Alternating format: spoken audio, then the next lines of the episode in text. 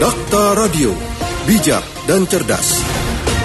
Rekan Dakta beralih ke informasi selanjutnya. Maraknya kabar penyebaran virus corona membuat masyarakat panik dan berkeinginan untuk memeriksakan diri. Apa syarat dan ketentuan bagi masyarakat yang ingin memeriksakan dirinya ke rumah sakit? Untuk membahasnya kami telah bersama Sekretaris Dinas Kesehatan Kabupaten Bekasi, Dr. Alamsyah. Dakta Radio, bijak dan cerdas. Assalamualaikum, Dr. Alam. Waalaikumsalam warahmatullahi wabarakatuh. Selamat siang. Ya, selamat siang dokter. Apa syarat dan ketentuan bagi masyarakat yang ingin memeriksakan dirinya ke rumah sakit?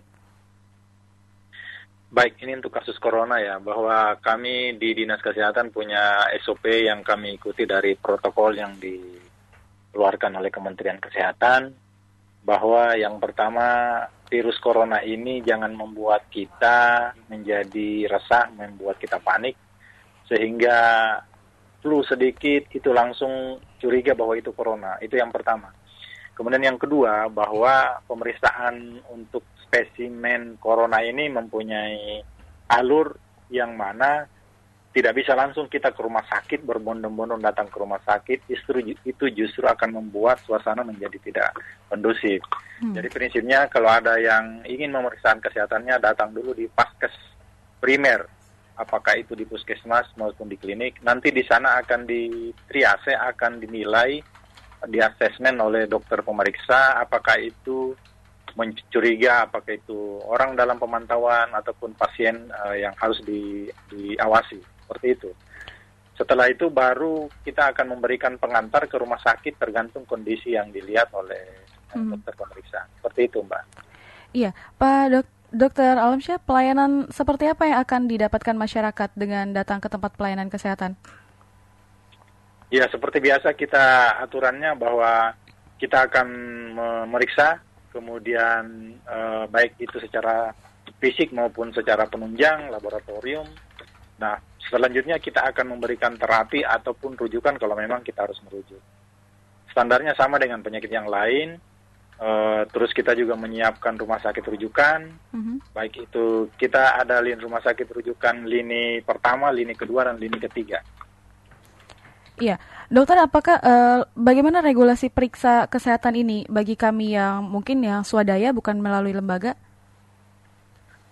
Ya, tadi saya sampaikan bahwa siapa pun itu, apakah itu pribadi, pas uh, kemudian lembaga, datang ke puskesmas atau klinik, kita akan memeriksa, kemudian kita membuat rujukan kalau memang harus dirujuk.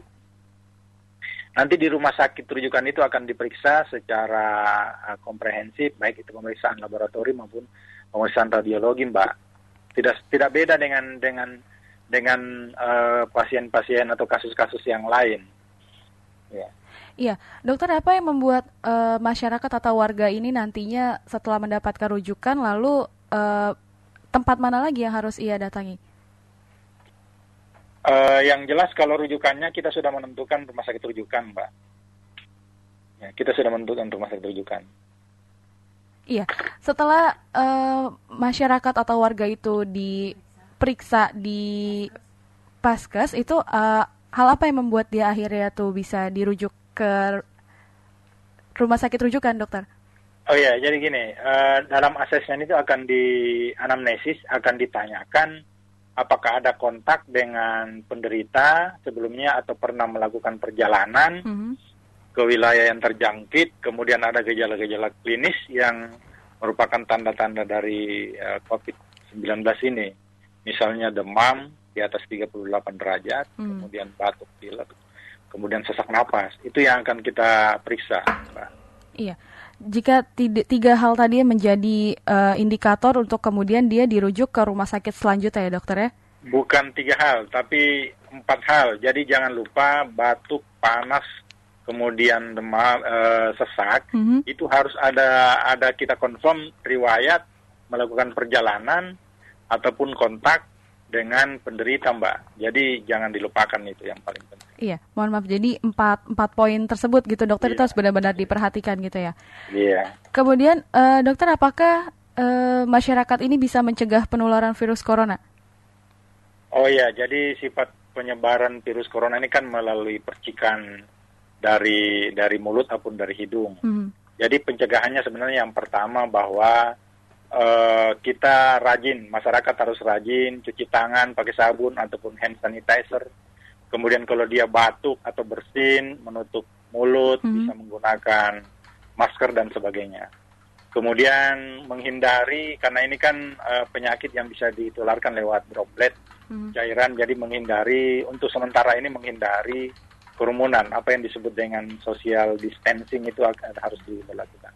Pemerintah daerah Kabupaten Bekasi sudah mem, eh, melalui Bapak Bupati sudah memberikan mengeluarkan edaran yang dikeluarkan tanggal 14 kemarin jelas di sana disampaikan bahwa kita melakukan pembatasan aktivitas dalam di keramaian, kemudian di tempat kerumunan dan sebagainya. Seperti itu Mbak. Kemudian menjaga menjaga daya tahan kita menjadi menjadi lebih baik istirahat yang cukup, makan hmm. makanan yang bergizi. Hmm. Ya, itu itu salah satu cara bagaimana masyarakat bisa mencegah mencegah penyakitnya. Ya. Dokter, menurut dokter, uh, apakah dengan social distancing ini uh, merupakan upaya yang sudah tepat, gitu, dokter, untuk saat ini?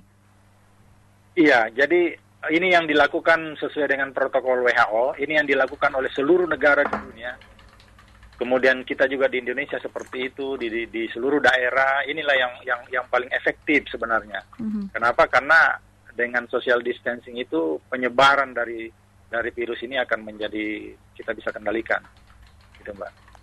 Iya. Protokol ini dijalankan di seluruh dunia mbak. Iya dokter untuk uh, pencegahan di dalam rumah sendiri jika uh, kita semua masyarakat sudah menaati peraturan ini tidak keluar rumah lalu bagaimana mencegah di dalam rumah sendiri dokter? Iya, di dalam rumah ini sebenarnya semuanya dengan perilaku hidup bersih dan sehat, PHBS. Hmm. Kita menjaga kebersihan, rajin membersihkan rumah kita, meja, kursi, lantai, dan sebagainya, Mbak. Iya, dokter. Apa? Ya. Imbauan kepada masyarakat, dokter, agar dapat menjaga kesehatannya, terutama untuk memicu corona ini? Himbauan disampaikan kepada seluruh masyarakat. Yang pertama, waspada, semuanya harus waspada, tapi tetap tenang, jangan panik, jangan takut. Itu yang pertama. Mm-hmm. Kemudian, ya, kemudian yang kedua, himbauannya bahwa mari kita selalu menjaga kebersihan, baik itu kebersihan diri maupun kebersihan lingkungan. Kemudian yang ketiga, himbauannya bahwa kita dengan adanya edaran dari pemerintah, baik pemerintah daerah maupun pemerintah pusat, kita menghindari perjalanan yang tidak urgen, kemudian kerumunan, keramaian, dan sebagainya. Kemudian tentunya kita sebagai umat yang beragama, tentunya kita harus selalu berdoa. Mm -hmm. Semoga wabah COVID-19 ini bisa kita lalui dengan baik. Iya. Baik, Dokter Alamsyah, terima kasih atas waktunya berbincang bersama Dakta. Terima kasih sama-sama. Selamat melanjutkan aktivitas kembali, Dokter. Assalamualaikum warahmatullahi wabarakatuh. Waalaikumsalam warahmatullahi wabarakatuh. Dokter Radio, bijak dan cerdas. Sekretaris Dinas Kesehatan Kabupaten Bekasi, Dr. Alamsyah.